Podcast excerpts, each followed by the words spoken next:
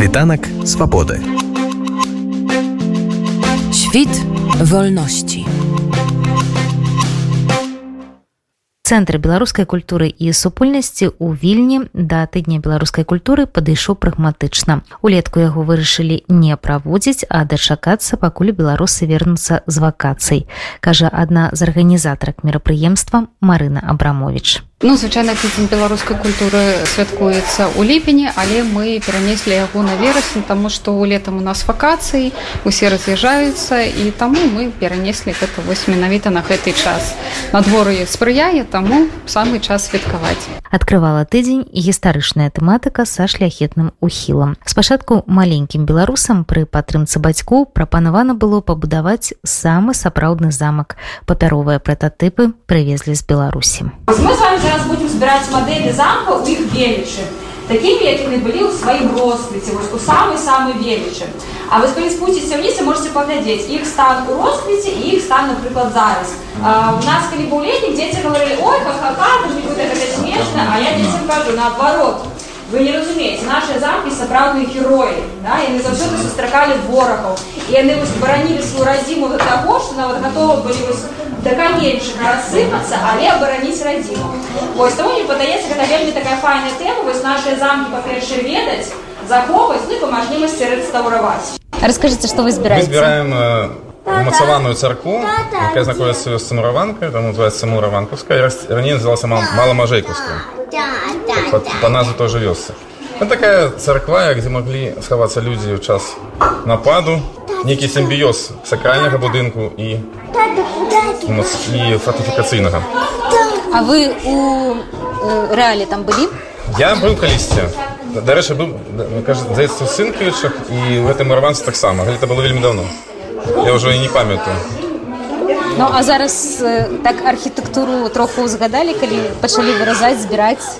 Ну, гэта знакамітая насамрэч будынак ён як бы такі пазнавальны чакаліся так вашу крыжы наверх сюды вось сюды у гэта вось.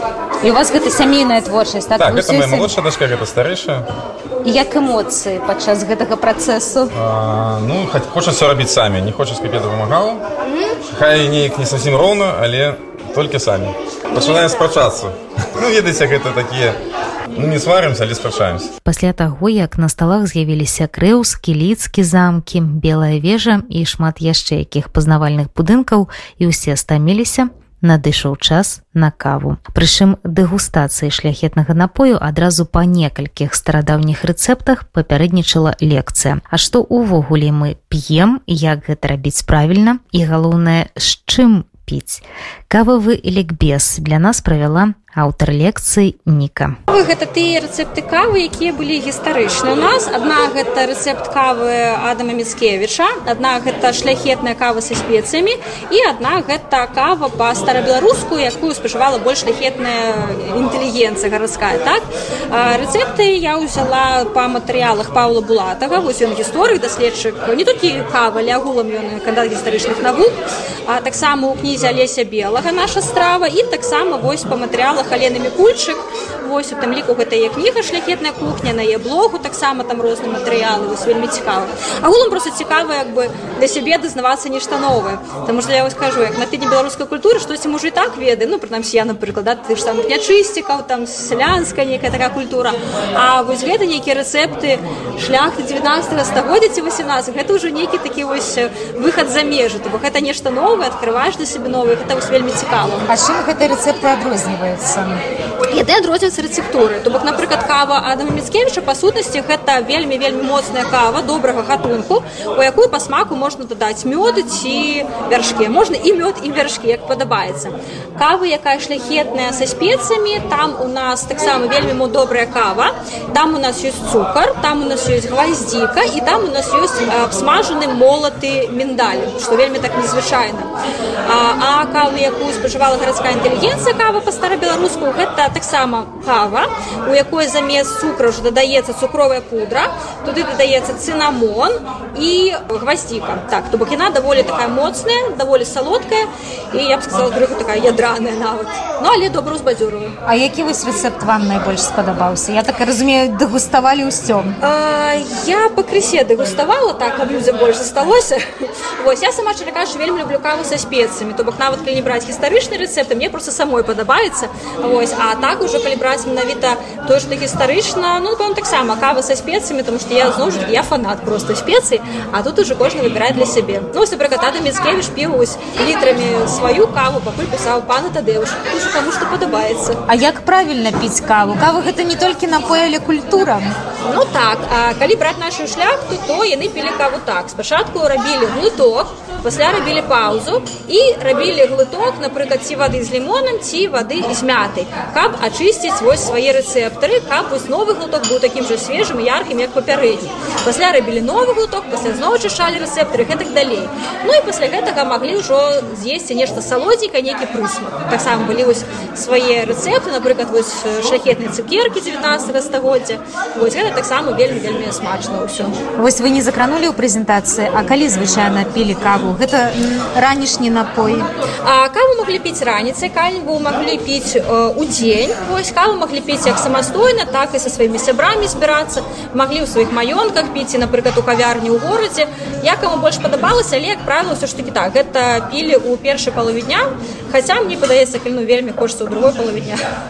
Можна ў другой піць А вось культура з чым піць каву? Гэта таксама нешта такое своеасаблівае Ну так то бок кавы гэта як асаблівы культурны код да то бок культурны код шляхты і дзесьці еўрапейскай цывілізацыі да. То бок гэта пілі у нас напрыклад вось усходні прысмакі не прыжыліся неяк ну не папулярныя былі але прытым былі свае рэцэпты вось же там нейкі вось медальны мог бы торт такі да вось цукеркі на аснове семачак мёда і там розных спецый гэта маглі быць нейкая невялічкая печыва. Дэгустацыя праходзіла па ўсіх правілах. Філіжанкі толькі з іх правільна піць каву. Тры імбрыкі з кожным відам кавы. Вада з мятай ці з лімонам цукеркі і вішні парадзівілаўскі. Удзельнікі кулінарнай рэканструкцыі дзяліліся з намі якія ноткі іх зачапілі. Адразу кардамон і штосьці яшчэ ну так пах такі моцны. А смак спрабую смак цікавы гэта некая са спецыямі напэўна гэта кава гарадской інтэлігенцыі таму што яна салодкая і адчуваецца водар нейкіх прадаму чагоддзі гваздзікі цынамона вельмі цікава ніколі не, не каштавала такое. А вы? Таксама вельмі праная вельмі смачная незвычайная Мабыць як лімон адчуваецца. Цукеркі? Цукеркі. Цікавыя так. напэўна фінік ці нешта такое салодкае у кунжуце вельмі смачна вы самі такую каву думаю не такое у аўторак гістарычная тэма падчас тыдня беларускай культуры працягнецца але ўжо на вуліцах вільні. Чакаецца квест па слынных для беларусаў мясцінах.